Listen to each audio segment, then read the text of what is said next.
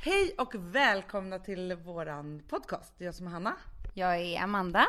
Jag vill bara eh, säga att precis innan nu här så, jag tror att det är en sån här typisk småbarnsmammegrej. Mm. Att det är så här, vi ska spela in, batterierna var slut och vad gör du då? Jo, det ligger ju alltså här en, en uppskruvad leksakshund som du har fått sätta batterierna till för att det här ska funka. Det ser ut som jag har slitit ut inälvorna i Charlies leksakshund.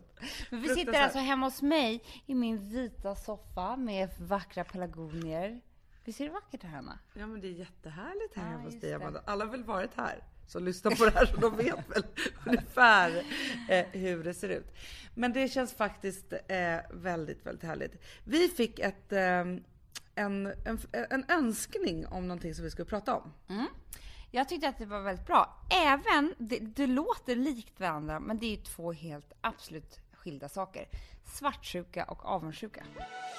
Alltså det som jag var mest avundsjuk på när man kom tillbaka efter skolan var... Kollo. Kollo.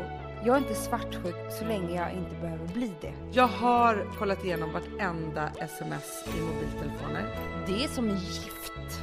Idag är jag bara jäkligt avundsjuk på sjukt rika människor.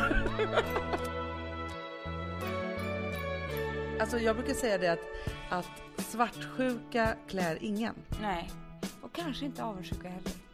Eller? Nej, nej men det Lite gör ju mer. Det. Men det är också något så skamligt över båda sjukorna. Ja. ja. Men då ska vi börja prata om det här med avundsjuka. Mm. Eh, är du avundsjuk någon gång? Ja men nu känns det som det var länge sedan. Alltså det är inte så att jag går avundsjuk varje dag på någon. Vet du vad jag kan bli? Och det här låter jätte, jättetöntigt men ibland kan jag bli avundsjuk när jag träffar någon tjej som har eh, Ja men du vet som ser ut som på film. Alltså såna här som har alla rätt på något sätt. Alltså förstår du, jag, jag, har ju, jag, jag har aldrig fått till samma trosa och bh. Nej. Alltså men, i men, par. Hur, och känns det i dig då? Nej men det känns så här, eh, men så där vill jag också vara. Du vet den känslan. Mm. För jag kan ju drabbas av avundsjuka, för jag, jag, håller med dig om att det känns som att man var mer avundsjuk när man var yngre. Mm än, för det är så att man kan lägga band på sig nu när man, när man är vuxen. Eh, men jag kan, ju, jag kan ju bli avundsjuk på, alltså när jag ser typ en familj eller så, mm. eller så här, de har så himla härligt mm. och de är så här, perfekta och de verkar så, eh, som att ingenting gör ont liksom. Mm. Och sen så, så här, eh, men, men det jag ofta drabbas av precis när jag känt den där känslan och tittar på de här människorna och liksom är avundsjuk. Det är så här, men jag har det ju sådär själv. Då är det mer så som att jag eh, liksom hoppar tillbaka ett par steg i min egna liksom, utveckling, man ska säga. Mm. Och tror att jag inte riktigt har det så. Förstår du vad jag menar jag då? Jag förstår precis vad du menar. Men jag kom på också en annan situation där jag blev väldigt avundsjuk. Det är om jag ser ett par som man ser så här i en port klockan nio på morgonen och de ska lämna varandra och det är tredje natten de sover tillsammans mm. och de kan inte sluta pussas för de vet att de ska inte pussas nu på två timmar. Ja men du vet, för de ska ses vid lunchen igen. Men det är sån där, alltså du vet ju som man har varit med om. på nykära människor helt enkelt. Jätteavundsjuk. Men är inte du det? Det är roligt också. Ja, hur säg, säg avundsjuk. Ja, jag visste att det här skulle komma, retet. Alltså, men du är avundsjuk? Ja, det är jag. Avundsjuk. Ja, jag är avundsjuk. Ja, ja. Skitsamma. Men, men jag förstår det där. Vad jag ja. menar. När man ser sånt där. Jag såg ett sånt par på en cykel häromdagen. Det är så fint, det är så vackert. Men det är precis som du säger själv. Jag kan ju stå själv och kyssas med min man här utanför dörren vilken morgon jag vill. Det är ju mm. inte det. Det är bara det att Ja, men ibland uppstår någon sån där sorts... Men det, det som är unikt med just den känslan, varför jag tror att man blir så avundsjuk i det, det är för att man vet ju att om man i alla fall tänkt att leva med den, den personen som man lever med nu länge, så vet man ju så att det är en viss känsla där som aldrig kommer komma tillbaka. Och den, alltså, även om kärleken liksom förändras och blir stor och stark och är helt fantastisk, så är det just det där, så här, det där pirriga, för man kanske inte vet om man kommer kyssas igen. Ja, eller bara första kyssen. Alltså jag kan ja. ju tänka på min Alex första kyss och bara, alltså jag skulle kunna betala vad som helst för att uppleva det igen. Och det kan ju bli så här avundsjuk på att människor får uppleva då igen. Ja, men det är fantastiskt. Ja. Men annars när man är så här avundsjuk så tänker jag ju mer på hur det var när man var liten. För då var man... sak, hur var din och Gustavs första kyss? Ja men den var, eh, Ja men den var härlig. Men det var, för du och Alex, ni hade ju något sån här byggde upp till något moment. Ja. Eh, jag och Gustav, vi träffades ju har vi pratat om det? Det kanske Nej. vi inte har. Nej, men det här är faktiskt helt, en liten fantastisk anekdot. Men jag var i Åre tillsammans med eh, min mamma och min dotter Rosa och sen så mina kompisar Joa och Sara. Eh, och jag hade ju liksom noll planer. Det här var, det här var på nyårsafton. Jag hade noll planer att jag liksom, jag var ju där med min liksom mamma och barn och liksom alltihopa. Så det fanns liksom inte det här, åh ikväll ska jag gå ut och tänka mig att träffa någon. Det fanns ju liksom Nej. inte i min vetskap överhuvudtaget. Ja.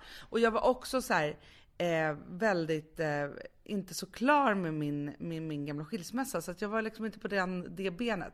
I vilket fall som helst så gick jag och, och eh, mamma och Rosa och Sara och Joa och käkade middag på ett ställe. Och sen så var mamma så himla snäll så hon tog Rosa och de gick upp så att vi skulle kunna fira tolvslaget, var lite på partybenet ändå.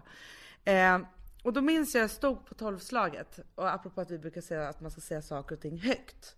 Eh, för jag gillar ju att ge, ge nyårslöften och sådana saker. Och på tolvslaget sa jag då så här, jag bara, mitt nyårslöfte i år är att jag ska försöka att inte vara som en teflonpanna och att allt bara rinner av mig. För jag, har ju dejtat, jag hade dejtat ganska många härliga killar då. Men jag blev liksom inte kär, det var ingen som fäste. Och för mig var det jättekonstigt eftersom jag har ju varit kär varenda dag sedan jag fyllde sex år typ.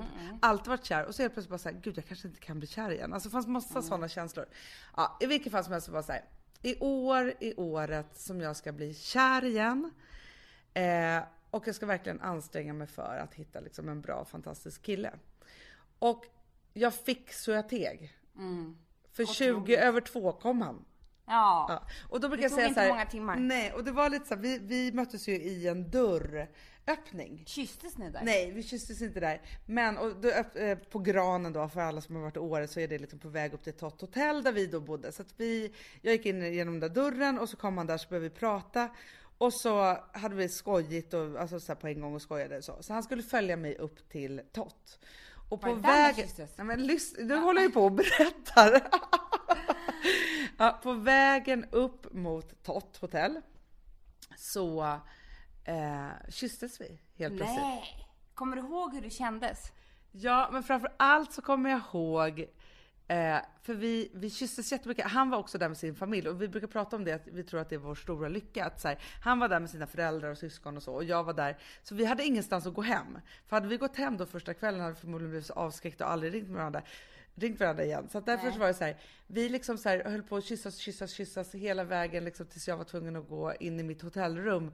Och så bestämde vi nästa dejt. Ja, ni ville båda ha mer. Ja, och det var faktiskt helt eh, fantastiskt. Så att jag minns det där som att det så här, han, att han kysste bra och att det var väldigt härligt. Ja, härligt. Ja, jag blir avundsjuk på mig själv när jag Ja. pratar om det. ja, men det är det jag menar.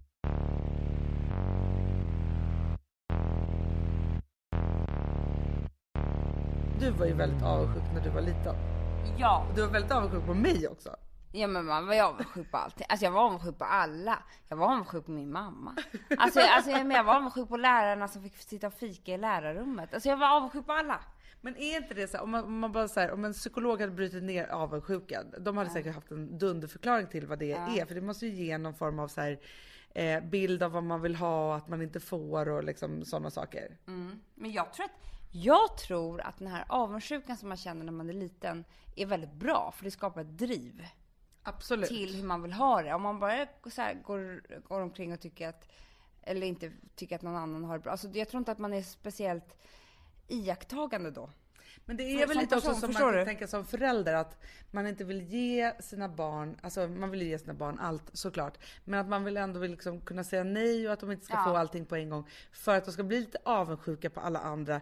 För att sen skaffa sig det där så att man inte bara blir som så här, en, en annars ju fet mätt liksom. Så är det ju. Och vi hade ju, eftersom vi var uppväxta i ett hippiehem, jätte, jättevacker lä- gammal sekelskifteslägenhet på Söder i Stockholm.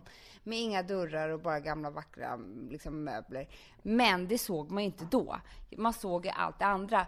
Kompisarna som bodde i de nybyggda husen, så jävla fula. Alltså de var inte, det var inte så, förlåt hörni, alla som bor i sådana lägenheter. Det var inte det jag menade. Men eh, alltså små, alltså väldigt Du ville ha allt det nya. det nya, de hade, jag kommer ihåg kompisar som hade dörrar in till sina rum med toalettlås. Förstår du? Nej. Ja, men fattar du om man hade mycket. kunnat låsa för Men du, lyssna på det här då. Skogaholmslimpa. Ja, men herregud. Du, okej jag kommer säga en till. Eh, läsk. Nej, jag orkar inte. Jag bara, vänta. Oh boy. Nej! Start. Nej, jag orkar inte. Ostbågar. Nej, men nej, det är för mycket. Det är för mycket. Men, men jag vet ju också så här. För det, Eget telefonjack. nej, men, med eget telefonnummer. men du, vet du, jag minns en kompis med mig hade eget telefonjack med egen, eh, eget telefonnummer. Telefonen var som en hamburgare. Lägg av! Men du, McDonalds besök. Ja, men, vet du, första gången jag gick på McDonalds, då var jag 13 år. För att pappa var emot det. För det var... ehm, Det mest eh, kommersiella man Ja, kunde göra. Men alltså framförallt var jag så avundsjuk på Gotland. På min kompis Hanna Olsson. För att hon bodde på Gotland i lilla byn Valleviken. Eh, och hade en mamma som var kallskänka På Finlandsfärjan. på Finlandsfärjan och var en helt så här, liksom, mm, vanlig familj. Inte så här excentriker som mamma och pappa var. Och de åt ju middag klockan två. Kommer du ihåg? Ja, på Gotland ja. äta med middag klockan Och två. sen var det kvällsmat och det Ja. var macke. Ja. Eh, på, på Kvela. Nej jag skojar. Ja, men. Och det som, var, det som var tråkigt för oss Hanna, det var att vi hade ju fillunch. Ja, nej, men, Men- alltså det var ju så här. När man kom hem till oss var det så här, men ta en skål fil. Ta en skål fil med lite müsli och det kanske inte ens var müsli, det var havregryn typ. Ja, så kunde det vara. Ja. Och, då, och sen så var det ehm, dessutom, ja och sen så på kvällen så var det någon så här stark wok. Ja, ja, ja. Så att när jag fick vara hemma hos Hanna Olsson då, som hade åt kväll, alltså middag klockan två, då var det den här husmanskosten som man bara drömmer om som barn. Gräddsås, egengjorda köttbullar, potatismos med grädde i, alltså macka med skinka till kanske, och Ja. efterrätt. Ja men du vet, Och det man var kan dricka hur många glas mjölk man ville. Ja men hur många som helst.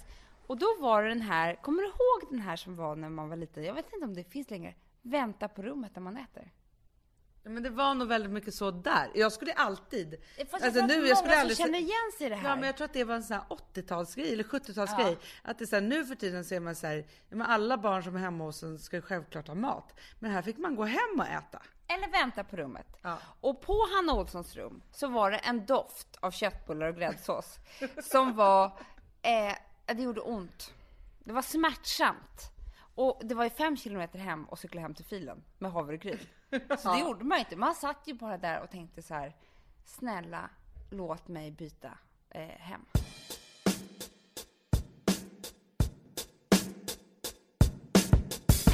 Amanda, vi är sponsrade av Sambla.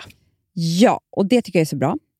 För att just också i dessa tider, Hanna, men Mm. oavsett, så är det ju jätte, jättesvårt det här med lån och långivare och vad man ska ha, liksom vad man ska kräva och vad som är bra och dåligt och alltihopa. Och då, men Sambla, Hanna, de kan allt. Ja, Alltså, Alltså, allt om det här. Sambla är en personlig jämförelsetjänst för lån och de alltså, jämför upp till 40 långivare, vilket hade tagit otroligt lång tid och jättemycket energi om man skulle göra det här själv. Mm. Och De hjälper ju dig som kund liksom, att jämföra dina långivare. Ja, men det är precis det de gör. Och de erbjuder personlig hjälp med låneansökan. Det tycker jag också väldigt men, mycket om. det är så bra. Eh, så att oavsett om du behöver hjälp en kort stund eller om du vill ha en guidning genom hela låneprocessen så kan du vända dig till Sambla. Och du vet, Sambla är alltså branschens, har ju branschens nyaste kunder. Fem stjärnor och 24 000 omdömen på Trustpilot. Då har man gjort ett bra jobb kan man säga. Mm. Så är det. Hörrni, in på sambla.se och ansök. Vi har ett betalt samarbete med Syn nikotinpåsar. Det här meddelandet riktar sig till dig som är över 25 år och redan använder nikotinprodukter. Syn innehåller nikotin som är ett mycket beroendeframkallande ämne och Syn kommer i olika smaker, styrkor och format. Nu lanserar Syn en helt ny smak inom mint. Syn Slim Cool Frost, som har en tydlig smak av kylande pepparmint och mentol. En långsmal helvit prilla. Och enligt 90 procent av 366 vuxna konsumenter så har den en långvarig smak. Läs mer på niko.com och klicka in på syn. Och glöm inte att slänga din tomma dosa i plaståtervinningen. Woof, woof.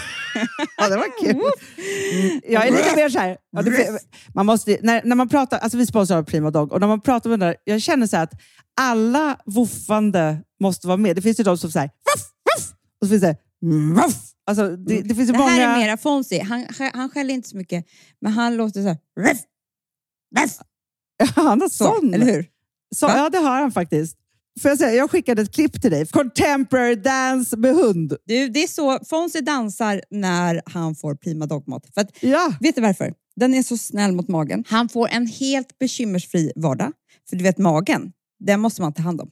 verkligen. Nej, men så här, och Prima Dog har ju torrfoder, våtfoder, godis och tugg i sortimentet. Alltså tugg är ah. som de skulle hålla på att tugga på. Det är, faktiskt, det är Fonzies favorit faktiskt. Tugget. Ja, men han har ju också börjat älska våtfoder.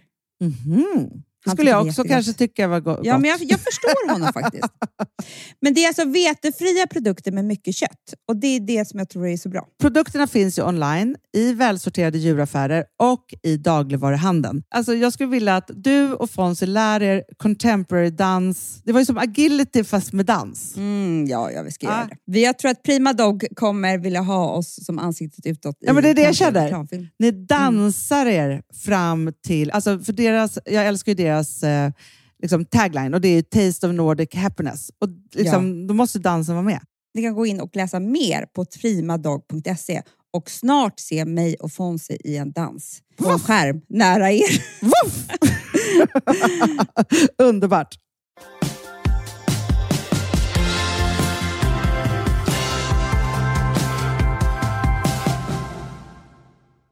Ja, men alltså just det där liksom så här, ombonade och så. Jag faktiskt eh, sa det häromdagen när en av mina kompisar Jonna var hemma hos mig på, eh, på middag. Och hon har sådana där föräldrar som eh, Hanna Olsson föräldrar. Eh, och när vi kom hem till henne, jag kanske var så här 20-21, så skulle vi, eh, eller lite äldre. Vi åkte hem till henne i Karlstad för vi skulle typ så här, gå ut och festa där och göra massa roliga saker. Så. Och så, så sov jag typ i deras gillestuga, förstår du vad mysigt? Ja, De hade ju bäddat upp när man kom dit och så här. Ja, och så kommer vi in där, gill, eller så kommer mamman eh, och väcker oss på morgonen och frågar hur vi vill ha äggen. Men sluta. Men alltså för mig är det så lyxigt så att det är helt galet. Men vilket är så här, idag så är det så här, man fattar ju att allting liksom, alltså men våra föräldrar var ju ungefär som man är nu. Såklart. Men jag måste bara säga en grej till som eh, innebar mycket avundsjuka.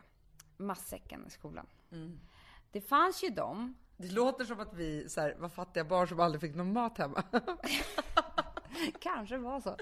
Nej men däremot, nej men de hade mycket, mamma och pappa var karriär, alltså det var inte så, de var ju fantastiska föräldrar.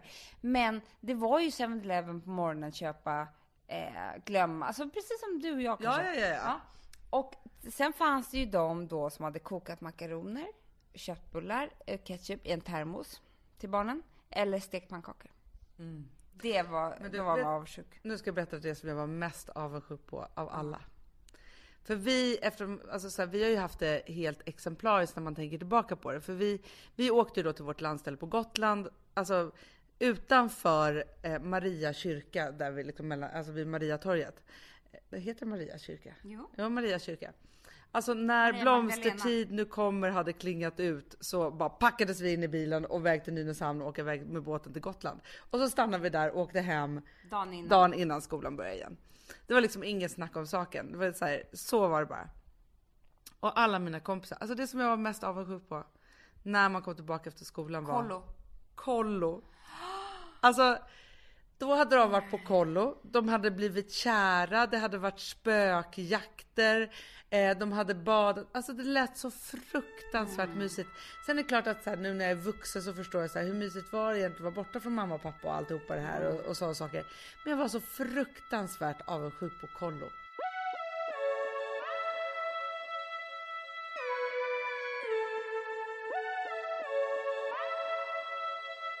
Idag är jag bara jäkligt avundsjuk på sjukt rika människor. Jag blir jätteavundsjuk med de som vinner mycket pengar på Lotto. Ja, men alltså för det känns ju som att alltså så här, de, de problemen man har idag som vuxen är ju egentligen alltså, ekonomiska problem när det kommer till sådana saker. Eller just så här, ja, jag skulle vilja ha nya soffor och då vill jag inte ha Alltså nu låter det otroligt förmätet. Men mina drömsoffor de kostar typ 50 000 kronor. Ja. Eh, och då, bara känner, då kan jag bli avundsjuk på de som bara kan gå mm. så till, gå på room på pub. Bara och bara köpa allt de vill. jag kan bli jätte, jätte avundsjuk på de som eh, är sådär energiska. Alltså här, men jag går upp klockan sex på morgonen och sen och sticker jag iväg och tränar för det gör mig så himla bra. Jag blir så glad av det. Och sen så städar jag hela huset och sen träffar några på lunch för att sen ta mig an eh, jag vet inte fan vad de tar sig an. Städningen. De Städning. älskar att städa. Men du vet, för, för jag bara känner att jag orkar inte. Jag orkar inte träna. Jag, or, alltså jag, är, jag är inte där. Jag är Men inte är det inte typ. så att avundsjuka kan bara botas med att bli ganska nöjd med sig själv och sin tillvaro och att man är god nog. Ja, och jag måste säga att det är inte så att jag, min avundsjuka eh, är något ok för mig. Då. Nu går vi till, till svartsjukan tycker jag. Bra. Eller sjukan som du säger. Sjuk. Svartsjukan. Sjukan. inte svartsjukan.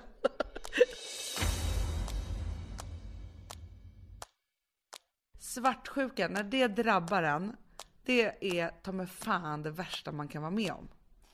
Det är som gift. Ja, man kan, bli, man kan bli förgiftad av mm. svartsjuka. Och när det väl rullar igång, mm. då är det ju så fruktansvärt för att man, man blir ju liksom, man blir som en besatt person. Ja, och jag tror att allting sätts ur spel. Man vet inte längre vad som är rätt och riktigt och, eller vem som är dum eller om det inte är, om det bara är en själv eller part. Alltså, allting bara är ur spel. Men jag måste säga så, för jag känner, kan ju ändå känna så här, att jag har varit galen av svartsjuka. Sen vill jag bara säga att jag är inte den svartsjuka typen Nej. egentligen. Men jag har ju blivit utsatt för, som vi har pratat förut om, otrohet och haft fog för min svartsjuka. Men innan man vet det, att mm. man har det, så känner man ju sig helt dum i huvudet. Och jag, nu ska jag, jag ska verkligen erkänna eh, mina mörkaste svartsjukesidor och sådana saker som jag har gjort. Jag har kollat igenom vartenda sms i mobiltelefoner. Aha. Jag har tittat igenom fickor. Jag har eh, kollat igenom mail och tagit mig in med konstiga lösenord och liksom alla mm. sådana saker.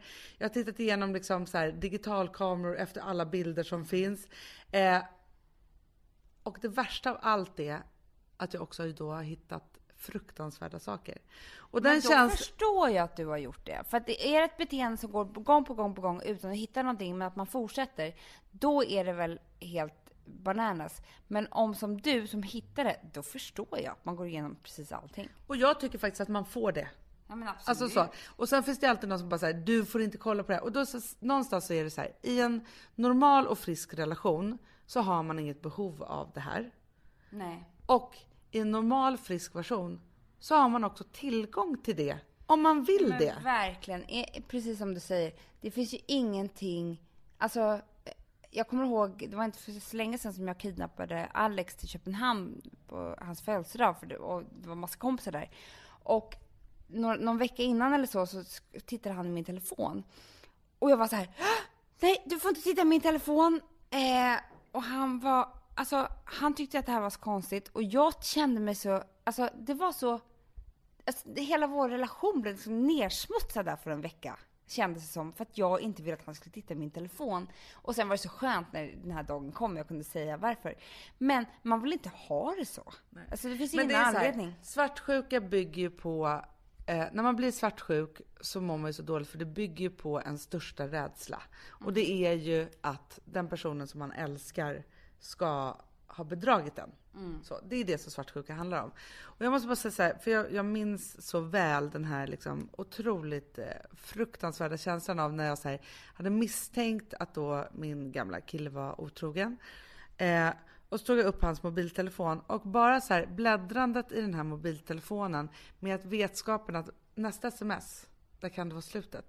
Alltså det är en sån, jag, jag minns alltså så här, det, det fysiska läget som man hamnar i då för att man liksom ska upptäcka den här liksom rädslan är så fruktansvärd. Och den är så dubbel va? Hjärtklappning, vill... illamående ja. och liksom... Ja. För du vill inte upptäcka någonting, men samtidigt så vill du ju det för då får du svart på vitt. Ja, och man förstår också varför man mår så här eller misstänker eller liksom alltihopa. Men det är ju också så här, vad kommer hända då när jag får veta det här? Vad ska jag göra och liksom, hur är det?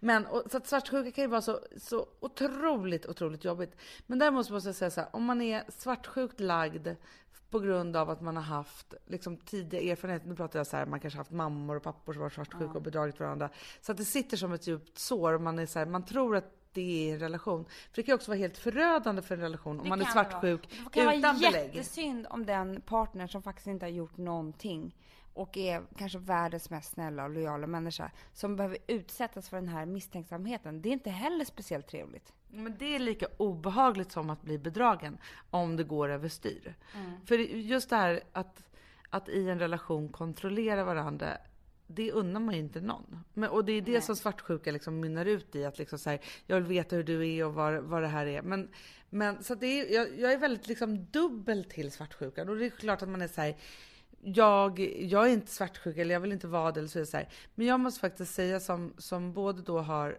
levt med män som man som jag haft befogenhet att vara svartsjuk på för att det är så här, ja han bedrog mig, han hade någon annan. Och också när man lever i en relation där man inte behöver vara orolig för det och vilken otrolig skillnad det är rent, rent ja, känslomässigt. Så skönt att få slappna av.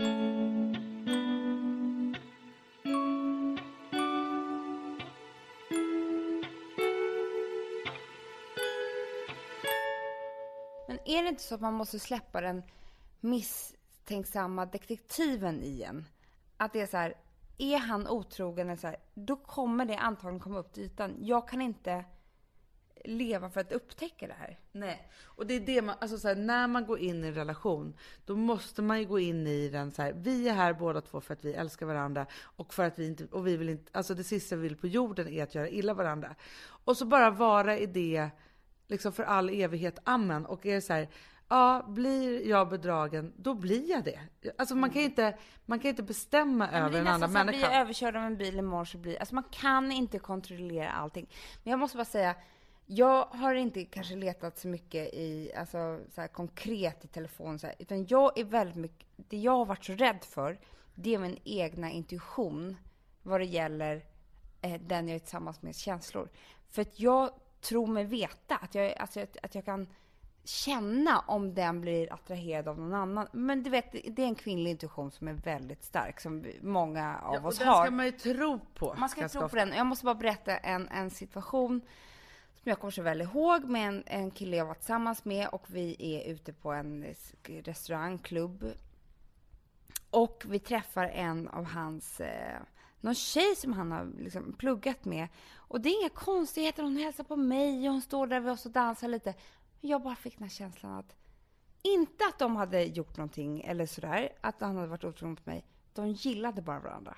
Mm. Förstår du vad jag menar? Förstår känslan. Han skrattade på ett sätt som man inte brukar skratta och de, de hade någonting som var väldigt så här, och den känslan var ju så väldigt, väldigt obehaglig.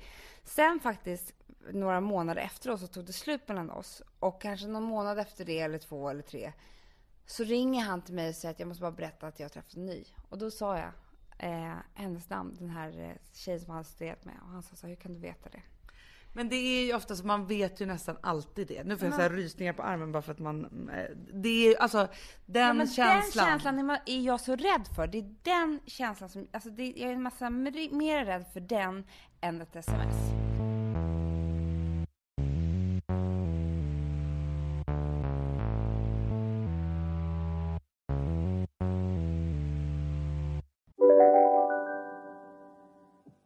Hej, Synoptik här. Visste du att solens UV-strålar kan vara skadliga och åldra dina ögon i förtid? Kom in till oss så hjälper vi dig att hitta rätt solglasögon som skyddar dina ögon. Välkommen till Synoptik. Om en yogamatta är på väg till dig, som gör att du för första gången hittar ditt inre lugn och gör dig befordrad på jobbet men du tackar nej för du drivs inte längre av prestation. Då finns det flera smarta sätt att beställa hem din yogamatta på. Som till våra paketboxar till exempel. Hälsningar Postnord. Ni har väl inte missat att alla takeaway förpackningar ni slänger på rätt ställe ger fina deals i McDonalds app. Även om skräpet kommer från andra snabbmatsrestauranger. Exempelvis... Åh, oh, sorry. Kom, kom åt något här. Exempelvis... Förlåt, det är något skit här. andra snabbmatsrestauranger som... Vi, vi provar en talning till. La, la, la, la, la. La, la, la, la. Vad gör dig svartsjuk nu i din relation? Nu har liksom en, en, du är gift och du har barn och liksom alltihopa. Vad får dig liksom ur spel? Vad gör dig svartsjuk? Nej men jag tror att, eh, alltså vi satte nog upp, jag tror att eh, Alex var eh, ganska ovan vid en sån person som, som jag är, som är väldigt så här, eh, vad ska man säga? Nej men jag är inte, jag är inte svartsjuk så länge jag inte behöver bli det. Förstår du vad jag menar? Men jag är väldigt noggrann med de ehm, reglerna kring det. Och han fick lära sig det ganska snabbt. Så att han inte kunde, behövde såra mig i onödan eller sådär. Och han är jätteduktig på, verk, alltså han, han är verkligen duktig på att bekräfta mig och så, så att jag aldrig slipper känna det. Än. Nej. Men, men för just du, du lever med en man som är officiell och han får ju ganska mycket liksom, alltså, alltså uppmärksamhet. Kan du bli svartsjuk på det? Nej, just eftersom han är så duktig. Men hade han inte varit så duktig på att hålla mig lugn i det där, då kanske jag hade absolut. För jag kan ju, jag kan ju säga så här till honom, du den där tjejen, hon gillar dig. Eh, och då kan vi skoja om det istället. Alltså man måste ju, så länge man inte går och grubblar på saker och ting eh, liksom själv, tror jag. Men vet du, jag har en liten, en liten teori om vad du gör i det. För du är ju väldigt så här, och det önskar ju alla, att du eh, gör dig till den eh, viktigaste och mest attraktiva personen i ert förhållande. Är det sant? Så att det är Gud så här, vilken bra teori! Jag har gjort, alltså vilken bra grej jag Ja men det är ju verkligen fantastiskt. Och jag, för, för jag tror också att det är så här. Jag tror att det är tricket. För, för precis när jag hade träffat Gustav, eller vi hade träffats ett, ett halvår kanske.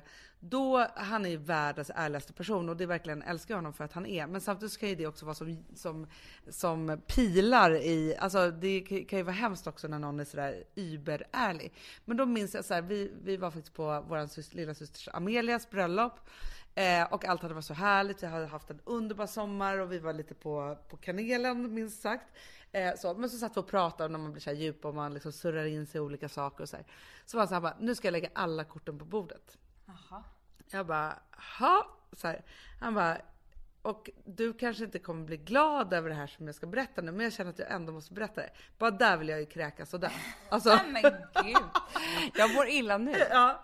Eh, och då handlade det om, och jag förstår hur han tänkte, fast just då visste jag inte hur, då berättade han, han bara såhär, nej men jag har haft en person som har varit den som jag trodde att så här, det här är, är den som jag kommer leva tillsammans med. Eh, han bara, men nu vill jag bara säga så här att hon är borta, hon finns inte längre. För det är du som gäller. Så att det var jätte, lika fint som det var, obehagligt. Men den här tanken om den här andra tjejen satt var ju kvar som en bugg då, ja, såklart. hos mig. Ja. Liksom, så.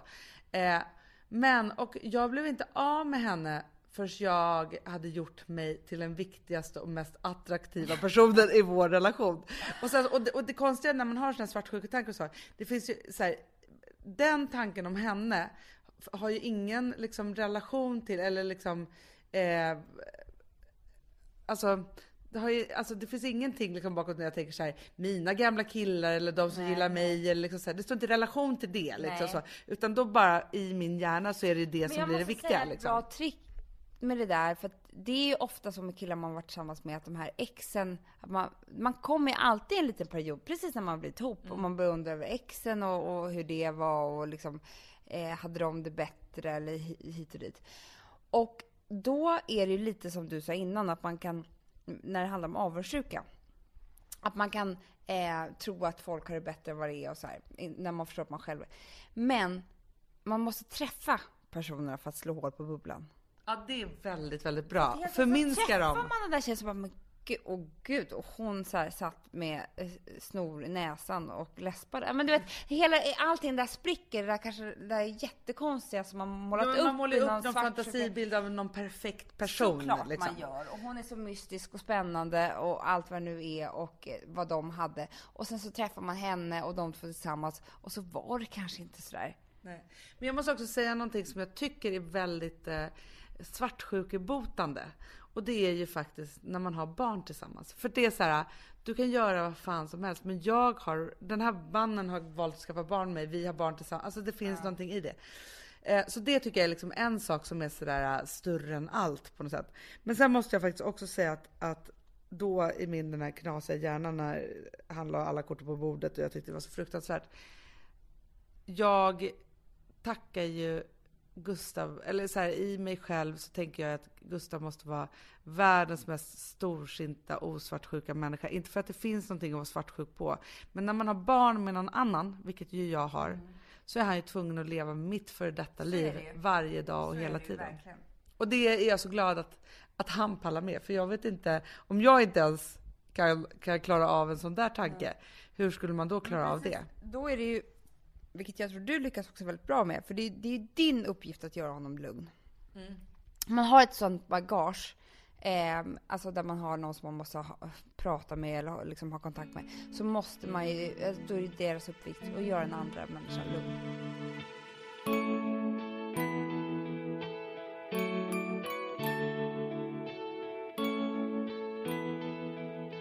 Jag tror faktiskt aldrig att man behöver vara svartsjuk på det gamla.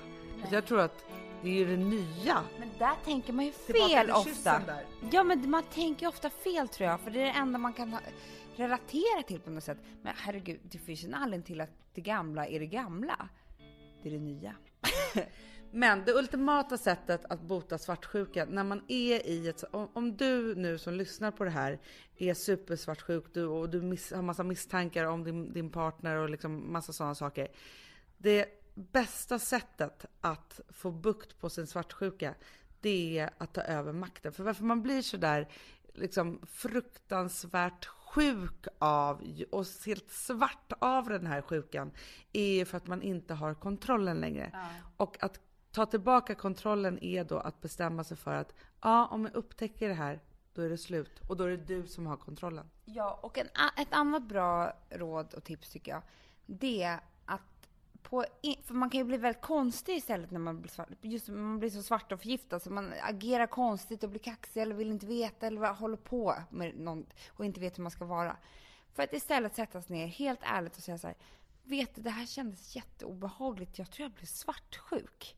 Det är jättebra att sätta ord på det. Ja, det är fantastiskt. Det är det bästa man kan göra. inte vara arg. Nej. För att det är ju det. Om man bara, du gjorde det här. Då börjar man ju någonting och så är det kritik och så är det hit och dit så här. Men bara, gud, jag kände mig svartsjuk. Det, det är säkert jättekonstigt. Jag vill bara säga det till dig att jag... För att om min, om Alice skulle säga så till mig, men herregud, jag skulle bara, men älskling. Alltså man skulle ja, ju bara vilja skydda den mot är... alla ond det är en kärleksbekräftelse ja, att någon är, är lite svartsjuk. Så ja. är det ju.